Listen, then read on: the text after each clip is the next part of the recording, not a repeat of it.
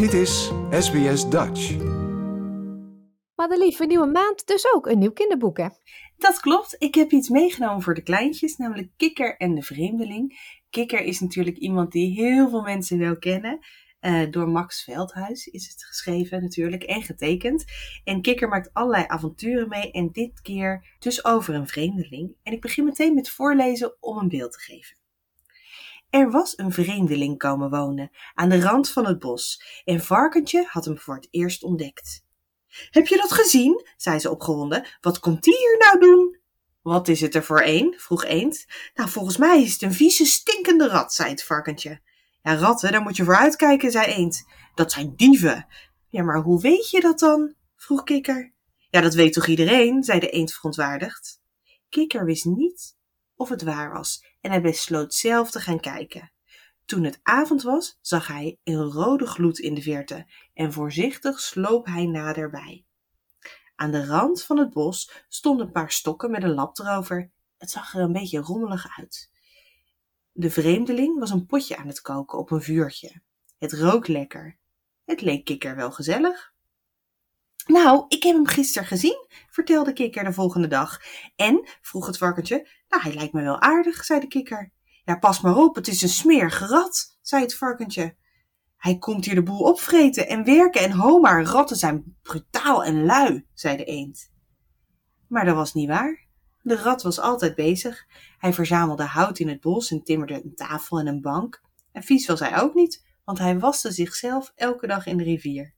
En op een dag besloot Kikker de rat te gaan bezoeken. Hallo, zei Kikker, ik ben Kikker. Ja, dat zie ik ook wel, zei de rat. Ik ben niet dom. Ik kan lezen en schrijven en ik spreek drie talen: Frans, Duits en Engels. En Kikker was diep onder de indruk. Dat kon haast niet eens.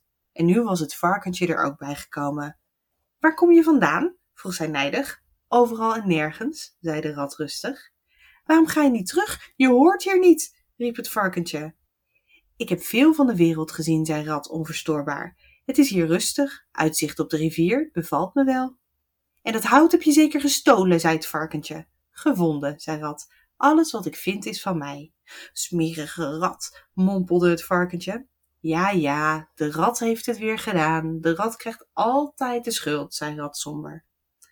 Met z'n drieën gingen ze naar Haas. Die vieze rat moet weg, zei Varkentje. Die heeft hier niks te zoeken. Hij jat ons hout in het bos en hij is nog brutaal ook, zei de eend. Nou, kom, kom, zei de haas. Hij is anders dan wij, maar hij doet toch geen kwaad? En het bos is van iedereen.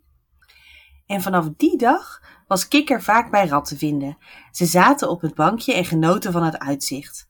Rat vertelde van zijn avonturen op zijn verre reizen en wat hij had meegemaakt.